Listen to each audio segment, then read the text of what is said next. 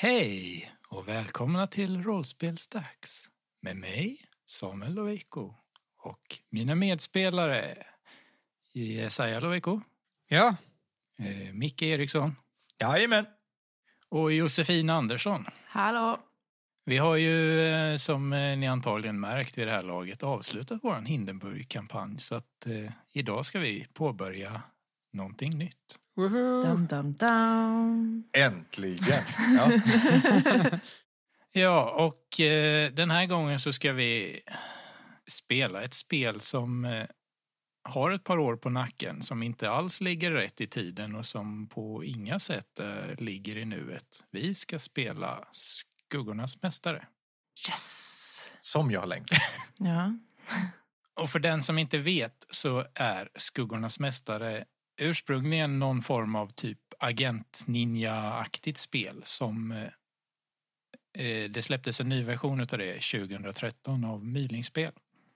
Och i den versionen så har de breddat det spelet lite så att Skuggornas mästare är nu eh, någon form av eh, eh, skräckfantasy, sci-fi, agent, superhjälte, eh, rollspel Alla genrer Ja, men typ liksom.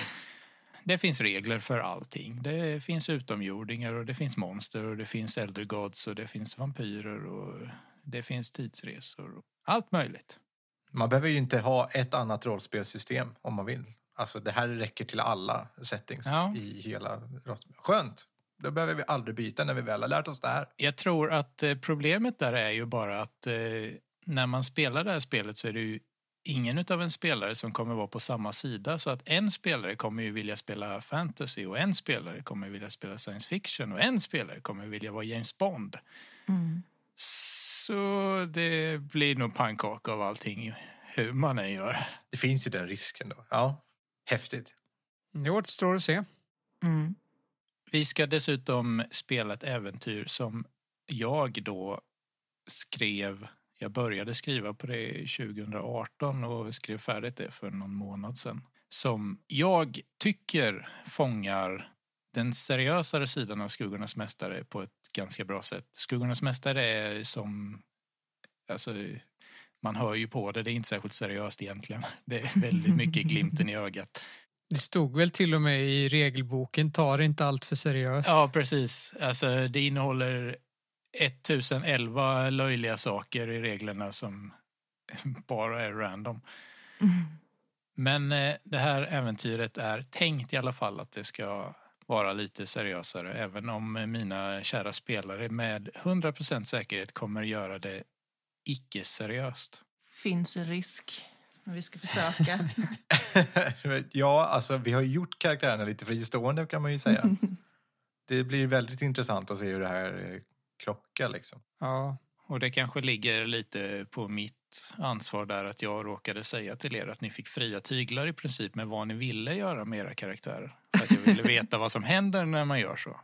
Speciellt i det här spelet för att man kan göra precis vad som helst. ja, alltså ni skulle ju se Messenger-konversationen senaste månaden. Den har jag helt galen. Oh, kan man få göra det Jag här? har inte orkat läsa.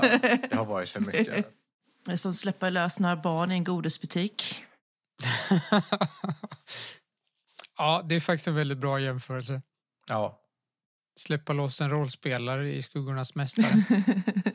Man får göra lite vad man vill med det. Alltså, det roliga är ju att vi, ingen av oss är ju personer som försöker typ powergamea på något som helst sätt. Men eh, det har vissa gjort och det har blivit väldigt tydligt tror jag när vi under diskussionerna och det ska bli väldigt roligt att se. Ja, Det är ju lite ett spel som uppmuntrar till att man ska ta ut svängarna på det sättet kan man väl säga. ja, Ja, och samtidigt så är det ju också inte det för att det är ju ett spel som är extremt högt och extremt lågt. Alltså du kan spela en odödlig halvgud med Excalibur och som skjuter laserstrålar i ögonen. Eller så kan du spela någon småkriminell gruffare som kör omkring på motorcykel och en kedja. Och då ska det liksom på något sätt försöka vara jämställt däremellan. ja, det ska bli jävligt spännande. Ja. Vi går vidare till eh, karaktärsbeskrivningen alldeles strax men du får gärna berätta lite mer om eh, äventyret och så som vi ska spela. Äventyret heter Det som glöms i snö och synopsen lyder En grupp med olika människor blir strandade långt, långt norrut vid en forskningsstation. Forskningen på stationen har handlat om märkliga fenomen som bara tycks uppstå i närområdet. Bland annat talas det om märkliga ljud och ljus, spöken som har siktats och väldiga bestar som drar runt i skogar och mark, och mark som helt ändrar form från dag till dag. Ingen vet riktigt vad allt beror på, men det finns många teorier och därav också en naturligt att det kommer en hel del med paranormala hobbyexperter som åker dit varje år för att undersöka. När man spelar det här äventyret så finns det ett antal olika möjliga grupperingar som karaktärerna kan tillhöra eh, till en början och då kan man vara bland forskarna, bland aktivister som protesterar mot forskningen, olyckliga semestrande, företagsopportunister som vill hitta sätt att tjäna pengar på det som det forskas om där. Det finns en närliggande militärbas där vilsna militärer hänger och potentiellt då spök eller alien eller väsenjägare som är där för att undersöka skumma saker. Är det alltså i nutid vi spelar? Det här är i nutid, ja. Det är, eh, är väl 2021 januari det kommer vara, antar jag. Då återstår ju frågan, eh, vem av er tre vill presentera sin karaktär först? Alltså jag kan ju börja för jag var ju faktiskt klar med min först. Ja, det Ja. får du jättegärna göra. Ja, varsågod. Jag spelar en karaktär som heter Karl-Henrik Ankarkrona. Karl-Henrik Ankarkrona är en person som, eh, ska man säga, en, tillhör aristokratin runt eh, sekelskiftet eh, 1700-1800. Han eh, utbildar sig inom juridik och eh, Eh, har eh, militär erfarenhet. Han hade en eh, lovande karriär som politiker och när allting börjar bli lite märkligt kan vi säga så har han ganska unga år haft praktik inom den, hur fan ska man säga? Vad är det för någonting? Ja, Jag försöker komma på vad myndigheterna på den tiden hette. När saker börjar bli lite konstigt eh, kan vi säga, då har han eh, under sin utbildning haft lite praktik för eh, politiker och, höga adelsmän inom aristokratin som har lett till att han fick följa med Carl Otto Mörner till Paris för att hitta en ny kung. Mhm. Till Sverige. Till Sverige, precis. 1810 så följer han med till Paris. Alltså du pratar om familjen Bernadotte nu. Ja, precis. Mm. Och Ja. i Paris, Premissen är alltså eh, karaktärerna är nutid eh, i norra Norrland. Ja, Jag kommer från 1800-talet. vi kommer dit, Ja, det hoppas jag. väl i Paris så blir han värvad av eh, en eh, organisation som kallas för Tidstjänsten. Och Tidstjänsten har en eh, polisavdelning. Så han blir polis inom Tidstjänsten, tidspolis. Och tidspolisen jagar kriminella som utnyttjar tiden för, eh, för att begå brott eller som, som bryter mot tiden eller hotar para, tidsparadoxer. Mm. Det, det har han sysslat med sen ja, 1810 men han har ju fått åka in i framtiden då för att eh, det är där tidspolisen verkar. Och sen så har Karl-Henrik Ankarkrona fått åka tillbaks i tiden lite till och från beroende på vilken epok som behöver, eh, behöver honom. Mm. Han åker på uppdrag inom olika tidsperioder och just nu så råkar det vara så att tidspolisen vill att han åker till 2021 och norra Norrland för att någonting eh, är konstigt. Det går inte att övervaka tid, tidslinjen om jag har förstått det på Samuel rätt, är otydlig. Det är någonting som inte riktigt står rätt till och Karl-Henrik Ankarkronas uppdrag är att ta reda på vad det är som sker eller vad det är som försiggår.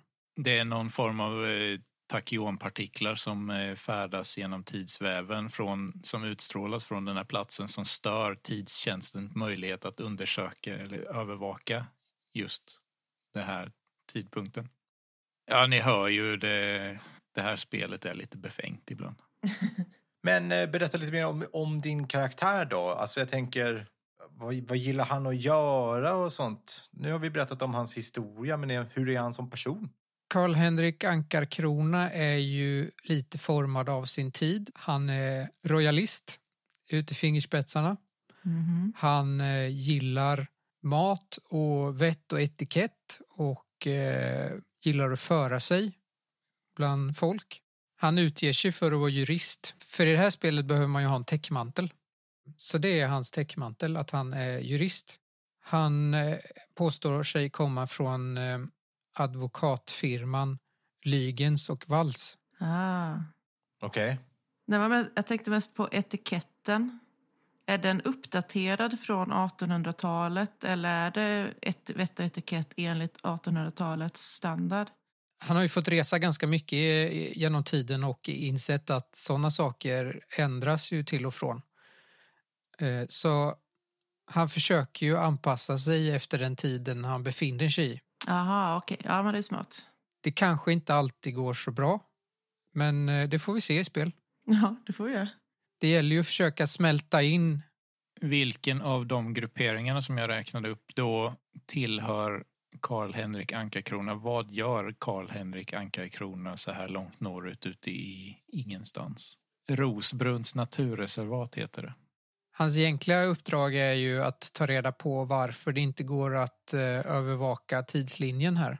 Men eh, det han utger sig för att göra är ju att vara på semester. Han är på semester och eh, vill vakta en fjällstuga för att ta reda på exakt vad som händer här. Men eh, den officiella anledningen att vara där är semester. Sånt man gör i januari 2021. Det är i alla fall social isolering. Så.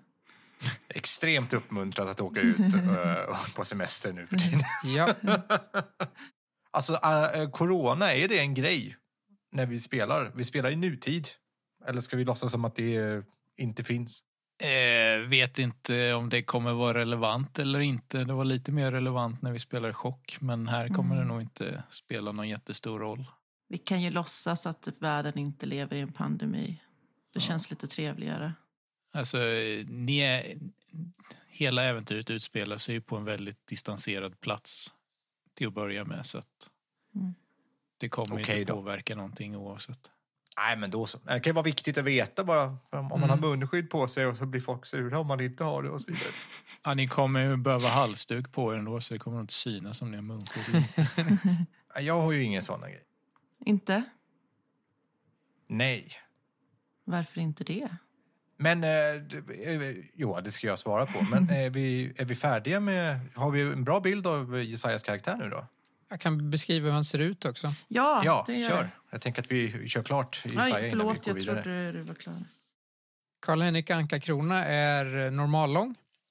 Han är ganska muskulös, även om det kanske inte syns. Det är inte så här st- stort biffigt paket, utan det är mer... Han har god fysik. Aha. Han har ljusbrunt hår eh, som är ganska långt och lite lockigt, uppsatt eh, där bak i en tofs. Och han har en Clark Gable-mustasch. Hur ser den ut för en som inte vet vad en sån är för något? Eh, hur fan ska man beskriva det? Googla. Fan, jag kan inte förklara det. Okej. Eh, en väldigt, Vi målar upp bilder i den här podden. en väldigt Ja, eh, googla. tunn och rak Tunn mustasch. eh, mustasch som eh, går bara över överläppen. Ja. Kan man säga. Typ Zorro. Zorro-mustasch.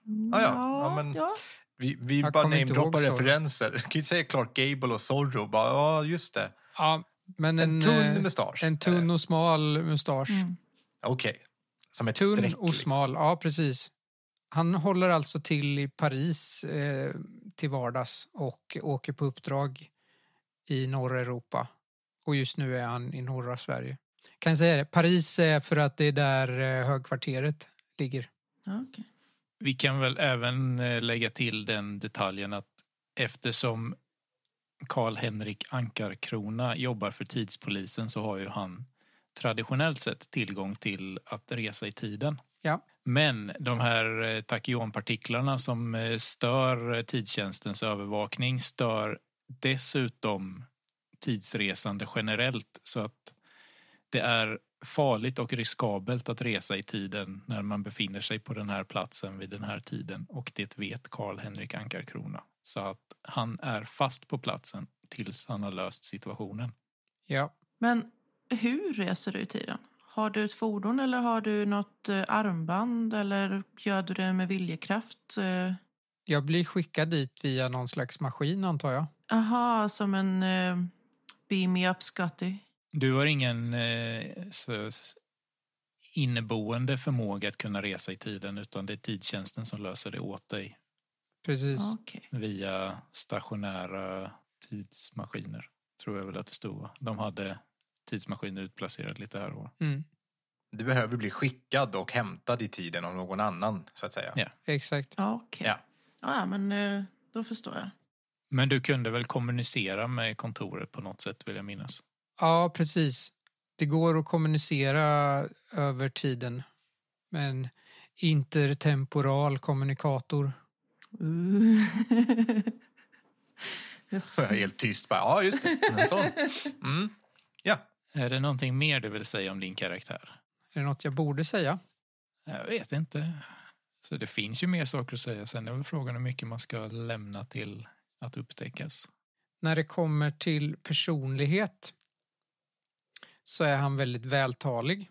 I regel i det här spelet så har man mellan 1 och 5 i kommunikation och jag råkar ha 6. Jag vet inte hur det gick till, men eh, han är oerhört vältalig.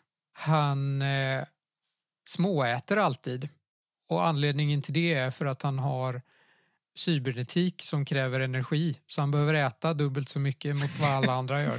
jag trodde du skulle säga diabetes. Ja, ja, okej, ja, det är så det funkar. Ja. Han är en riktig arbetsnarkoman, lever för sitt arbete, har i princip inget liv men eh, tar det på fullt allvar och eh, därför vågar han åka till en tid utan att veta hur han ska ta sig tillbaka. Han eh, följer sina order och sina reglementen till pricka. Han är en riktig paragrafryttare. Regler ska följas. Ja, regler ska följas. Mm. Dessutom så är han motsatsen till vidskeplig. Han tror inte på någonting som inte går att bevisas med rationalism och empiri. Då är han ju på helt rätt ställe då. Ja, det- det- Rationalist. Liksom. ja, Ja. Mm. Mm. det finns rationella anledningar till allt. Och det som inte går att förklara, det existerar inte. det kan ju bli jättespännande. Blir, kommer bli väldigt intressant, ja. För att vara så gammal så är han eh, förvånansvärt icke-gudstroende. Okej. Jo, men det, det, det känns ju logiskt om man är väldigt rationell. Ja, Sen är det här med tid blir ju lite skevt också. Alltså, du, du är från 1700-1800-talet där omkring, men du har ju ändå rest i tiden så du kanske inte är aktivt 200 år gammal.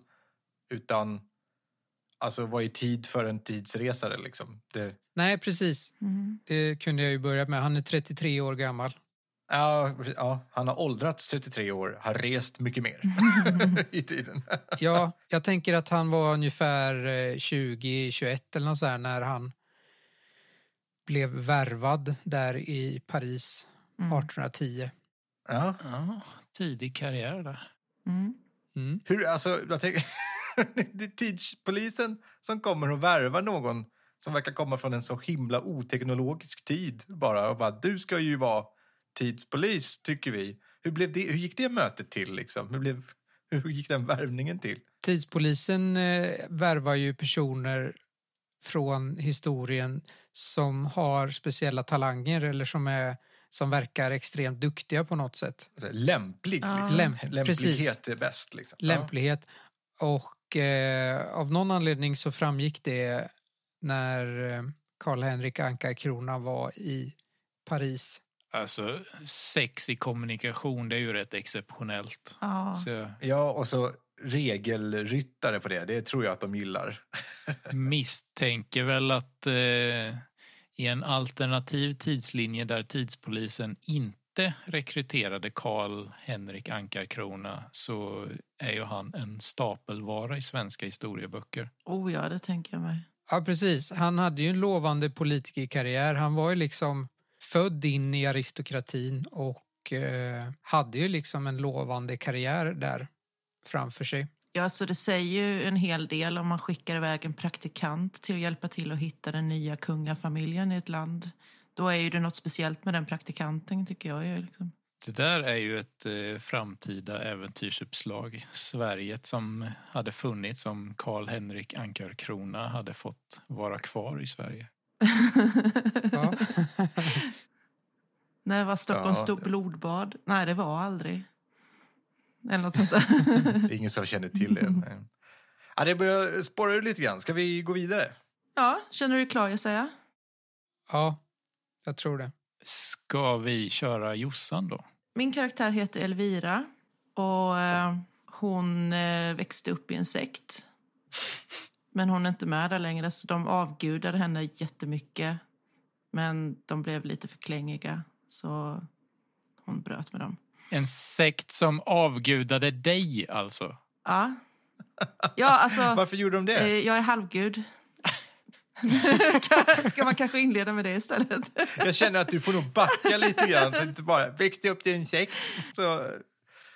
Du är alltså halvgud. Moiras sekt, de avgudar en, en eh, besinningens gud, helt enkelt. Eh, och jag är en ättling av denna guden. För många, många generationer sen så kom Moira ner på jorden och eh, träffade en man. Och de gjorde saker och sen blev det ett barn och så blev det ett barn och, sen, och så vidare. Sen kom jag. Okej. Så du är nog barnbarnsbarn. Så du är typ tusentals år gammal då, eller vad? Nej, inte jag. Jag är som Micke sa ett barnbarnsbarn till den här guden. Då. Ja. I och med det så har jag ganska så tjock skyddande hud. Jag är ganska så okänslig för saker att påverka mig, men jag är också väldigt intuitiv. Jag kan eh, hela folk med händerna och så kan jag förvandla mig till ett lejon. What? Du kan förvandla dig till ett lejon. Ja, Men du är inte ett lejon. nej. Du är en Men- människa. Ja, jag eller? ser ut som en människa. Förutom det att jag har då lite spetsiga öron och så har jag en, en svans med... det här blir så Du konstigt. ser inte alls ut som en människa. Eh, Så har jag en svans med massa vassa taggar på som jag kan använda som ett vapen. Har du den svansen kvar om du förvandlar dig till ett lejon? Ja, Praktiskt. Den påminner lite om en lejonsvans förutom att lejonsvansar har päls på toppen och jag har taggar. Så det är lite därifrån. Eh, jag tänker att i och med att jag... Jag har förmodligen blivit lite inspirerad till att välja lejon som min andra skepnad på grund av att jag redan har en svans och spetsiga öron. Typ. Okej. Och att jag har ett väldigt fluffigt permanentat hår som en man. Kan du förvandla dig till vad som helst? Eller är det liksom den här formen eller lejon som du har att välja på? Det kanske inte jag har att göra med. Jag blev mest nyfiken. Nej, det är lejon helt enkelt som jag blir. Okej. Rawr. Sånt som brukar finnas i norra Norrland. Ja, precis. Inte alls misstänksamt. Den där helt naturliga faunan Ja. som finns där. Jag är ju rätt säker på att om någon är ute och går på det här stället och ser ett lejon så är det det vanligaste de har sett. Ja, men det Med känns ju tanke på bra. vad Okej. annan skit för finns som finns där. Det låter ju lovande. Norrland kan man ha vilket husdjur som helst. Precis. Eh, Jag är också tränad i historisk svärdkonst, så jag är rätt bra med ett svärd. Okej, men alltså du, du, har vuxit, du har vuxit upp i en sekt, Ja. men du är inte kvar i sekten. då? Nej. Jag ville pröva mina egna vingar utan dem. Men vad var det som hände? Men de dyrkade dig då alltså? Eller? Ja, de dyrkade mig. Du är någon form av magisk halvgud som kan göra massa konstiga saker, förvandla dig till ett lejon och du är tränad i svärdskonst. Ja, Är du med i en manga? alltså på många sätt så är det ju extremt mycket manga över min karaktär. Um, det, det kommer bli ännu värre, kan jag ju bara säga. Det är väldigt roligt, för du tycker ju inte ens om det. Nej, jag gör inte det. Men nu, nu, nu eh, jag ska förlåta all anime och manga jag någonsin sett nu genom att göra en karaktär som påminner om det så mycket som möjligt. Men du har alltså gått härifrån, eller har, har de kastat ut det? Eller varför slutar du liksom bli dyrkad? Har du bara lämnat templet som du bodde i? Eller? Men alltså, jag kände inte att jag fick chansen att växa och utvecklas på egen hand för allting gjordes åt mig och alla bara typ tyckte allting jag gjorde var bra hela tiden och jag kände liksom att det finns en hel värld där ute som jag inte har sett. Men du kommer från nutid, eller? Eh, Jag kommer från eh, ett tidigt 80-tal i USA då det var väldigt vanligt med sekter. Ja. Finns den här sekten kvar? Ja, det, det gör det nog. För jag har en kompis som jag har kontakt med ibland som heter Bill Bosson. Som, eh, som är en av mina kontakter. Han kommer från den här sekten från början. Okej. Så de väntar på att du ska återuppstå med andra ord. Ja, precis. Eh, eller återkomma. I, typ, I realtid eller kanske bara ett halvår eller någonting sen jag lämnade, lämnade dem. Så de, de är ganska upprörda nu, tro, troligtvis. Jag tänker att de kanske känner sig lite rotlösa och inte riktigt vet vad de ska göra. Men jag sa, alltså, jag kommer tillbaka, vänta här. Så jag hoppas att de väntar där helt enkelt. Vad eh, har du gjort sen du lämnade den här sekten? Jag har hängt runt lite i olika delar av USA. Det kommer förklaras lite sen med Jake där, men när jag slutade med det här då så började jag jobba som hobbyutredare, typ som en detektiv. och sen så blev jag superhjälte, för jag kände att det är sånt som... Okej. Alltså superhjältar är ju... Enligt tv och film så är det ju så sånt gudar ska göra. Eller såna som är starkare än alla andra och sådär. För det är då de blir verkligen hyllade och så som de förtjänar av hela världen, inte bara en rutten sekt. Men vad var då? Så du har blivit superhjälte nu? Du, du är superhjälte också? Med en dräkt och allting? Vad, he- vad, hade du något superhjältenamn? Alltså, jag var superhjälte ett tag. Sen gick jag över till tek- speltekniska eh, dråpare, dräpare. Okej, vad innebär det? Det är att man är lite mer besatt vid eh, att eh, lyckas genomföra sin sak. Det är lite mörkare än superhjälte.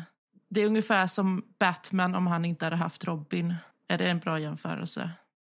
Jag vet inte, för att jag är fast på det här med att du är en superhjälte och din enda superkraft verkar vara att du kan förvandla dig till ett lejon. Hon hade ju massor med grejer.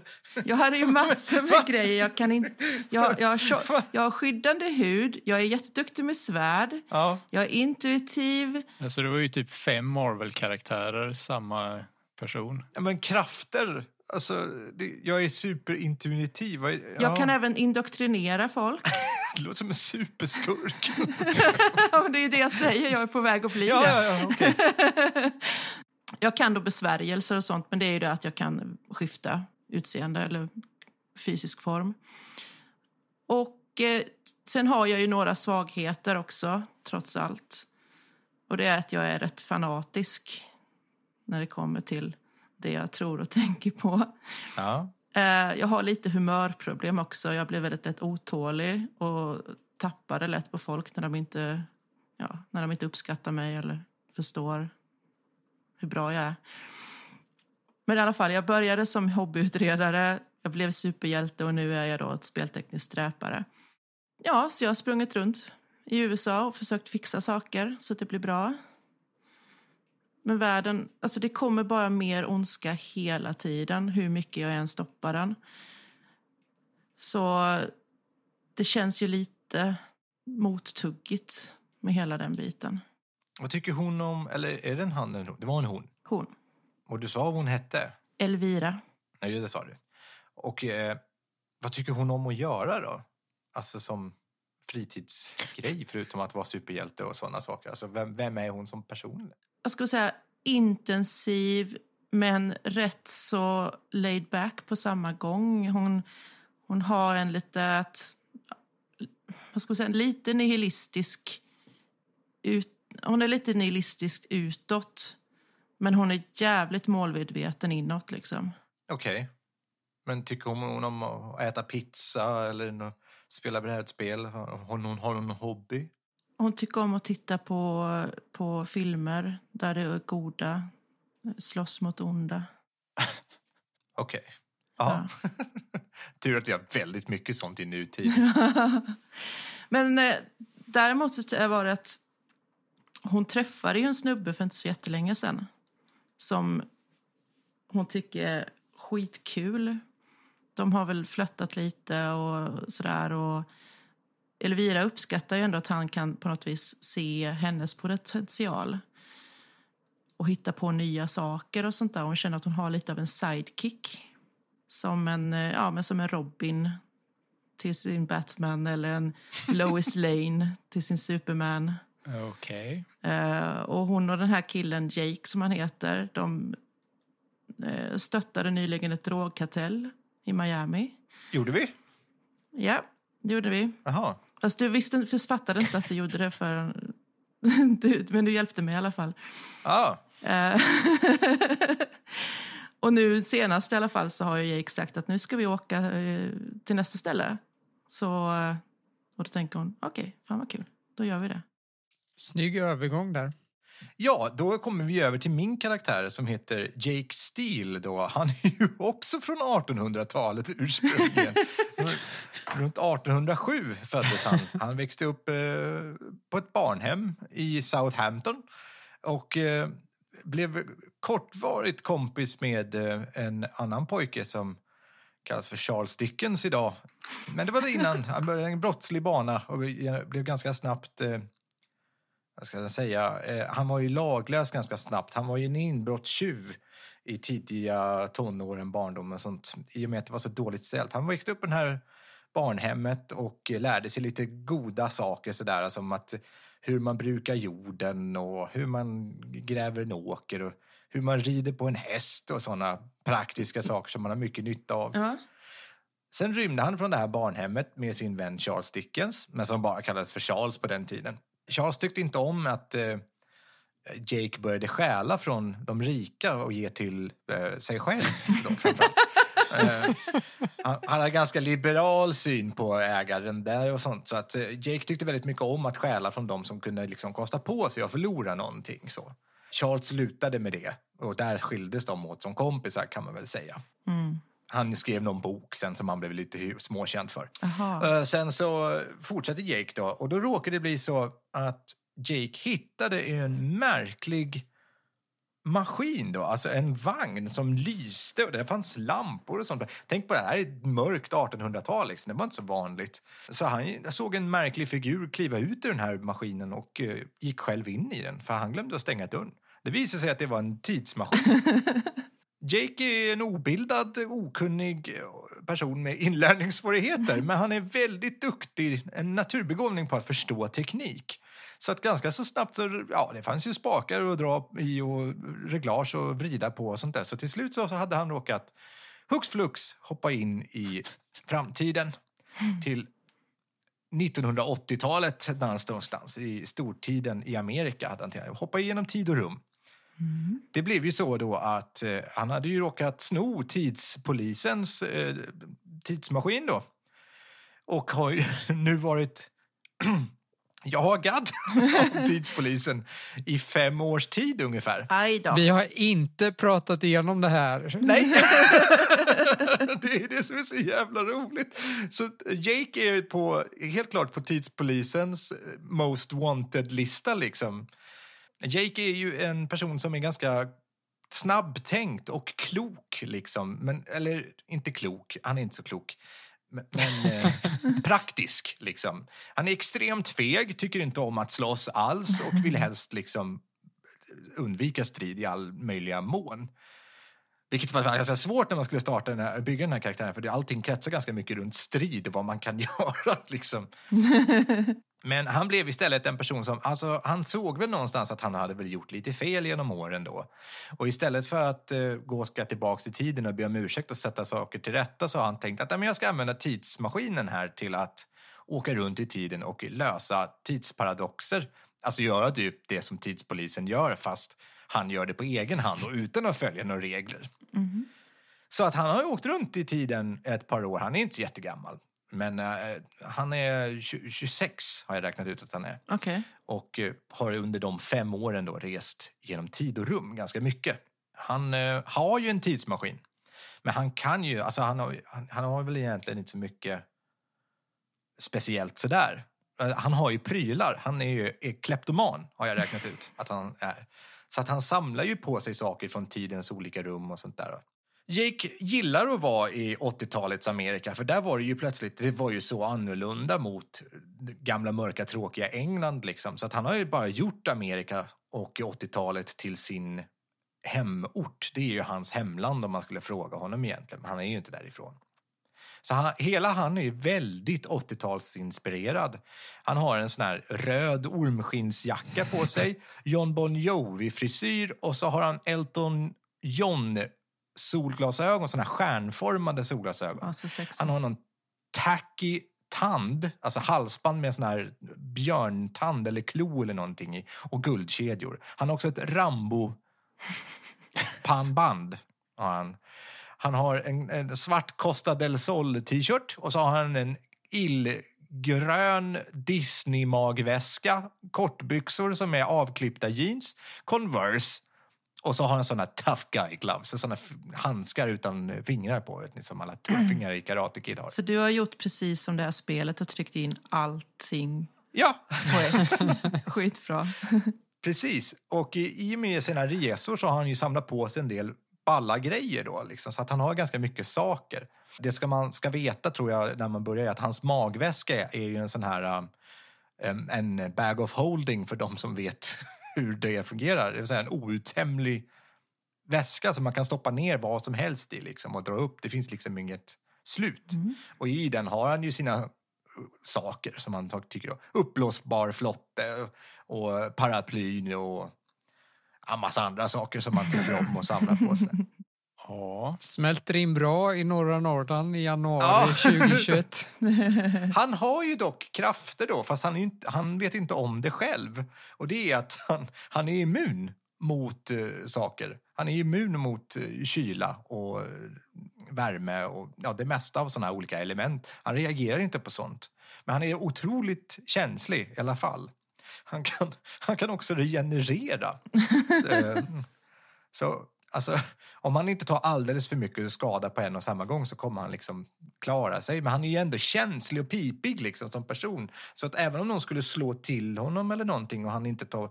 Alltså han kanske inte ens tar någon skada men han kommer ju ändå skrika aj! Som att det gjorde jätteont liksom. Det är ju otäckt liksom. Så att han är ganska värdelös på många sätt och vis. han är ju det, som- det som han är bra på då är att han har väldigt stor han är snabbtänkt och är väldigt uppmärksam och han har brottsplatsundersökning och kunskap om tidsresor och rida. Det, ja, Ja, men, en ska bort. ja, men det känns det bra. Det kompletterar uh, Jesajas och min karaktär på många Ja, sätt. vi är Raka motsatsen till Jesajas karaktär skulle man kunna säga.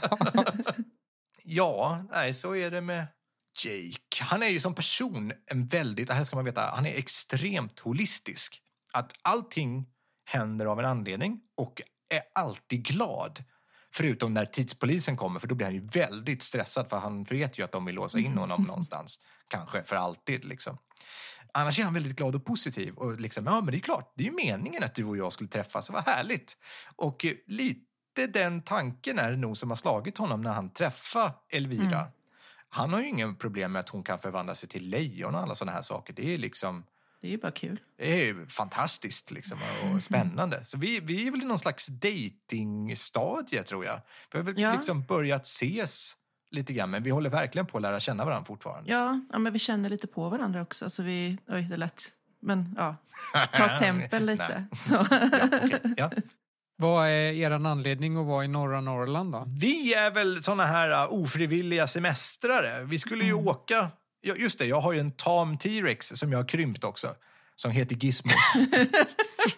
Eh, jag, jag, jag vet inte hur jag kom över Gizmo. Alltså, jag vet inte hur jag ska reagera på det här. Jag, Jag har en tam T-rex som jag har krympt till eh, typ Sankt Bernhard-storlek. Liksom. Så han är som en klumpig raptor eller någonting. Men han är ganska så vältränad och ganska så intelligent tror jag också. Så att jag kan ge honom kommandon och prata med honom. Mm. Tror jag. Jag tror att det är så det fungerar i alla fall. Okej. Gizmo är min kompis. Alltså det här är ju Jag gillar det spretigaste jag varit med om. säga. Det är bara lite mycket att ta in. Ja, precis. Jag vet inte. hur- Så jag har skickat hela min lista med allting som jag har, Samuel, men du har inte ens läst det. Så jag tycker att det är roligare att jag bara drar fram vad jag har för någonting Ja, i scener. Liksom. ja, helt klart.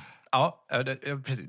Jag, går inte igenom min utrustning då. Men det ligger massa grejer. Den här äh, husvagnen då, som det råkade vara då, den har ju jag pimpat eh, och gjort snygg. Den är, det står det är en stor neonskylt ovanför den som det står Jake Steel på. Så det, jag reser alltid inkognito kan man säga. Ja, tänkte precis på det. Det är jättebra när man är jagad av en tidspolisen. Att, Och precis som Doctor Who's TARDIS så är den ju större på insidan. Så att det är en liten... Eh, det är en tidspara, eller, eh, tid och rumparadox inuti den, så att säga. Så att när man går in i den så är den mycket större, så att man har rum och grejer. Men från utsidan ser det ut att vara en riktigt eh, pimpad husvagn. det kommer komma en bild på det också. Är, Ja, jag har målat. Ja, det är bland det finaste jag har gjort. eh, ja, och där eh, någonstans träffade ju eh, Jake Elvira. Så vi åker runt. Och så tanken var att vi skulle åka på ett coolt äventyr någonstans. Men så fastnade vi i någon märklig tidsparadox här då och hamnade i, i Norrland 2021. Det var ju verkligen inte meningen. Så att vi har väl i princip klivit ur maskinen när vi väl börjar äventyret. Jag tänker det också. va? Att vi bara kastas in. Ja. Mm.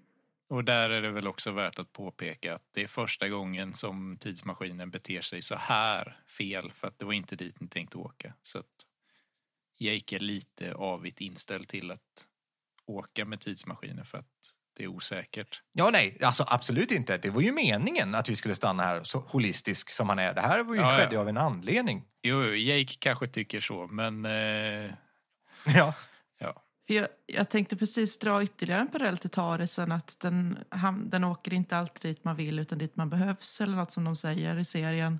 jag har ju knappt tittat på Doctor Who, så jag, jag har Ja. ju ingen aning. Men om det är holistiskt funkar. sett så är det ju alltid rätt oavsett. Så att, Jaha, ja. Vad härligt.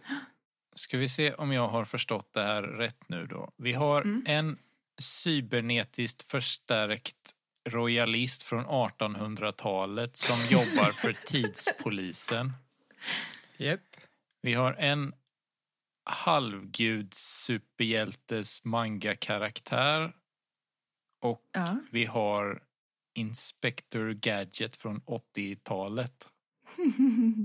Ja, Vi känner inte varandra när vi börjar spela, tar jag för givet.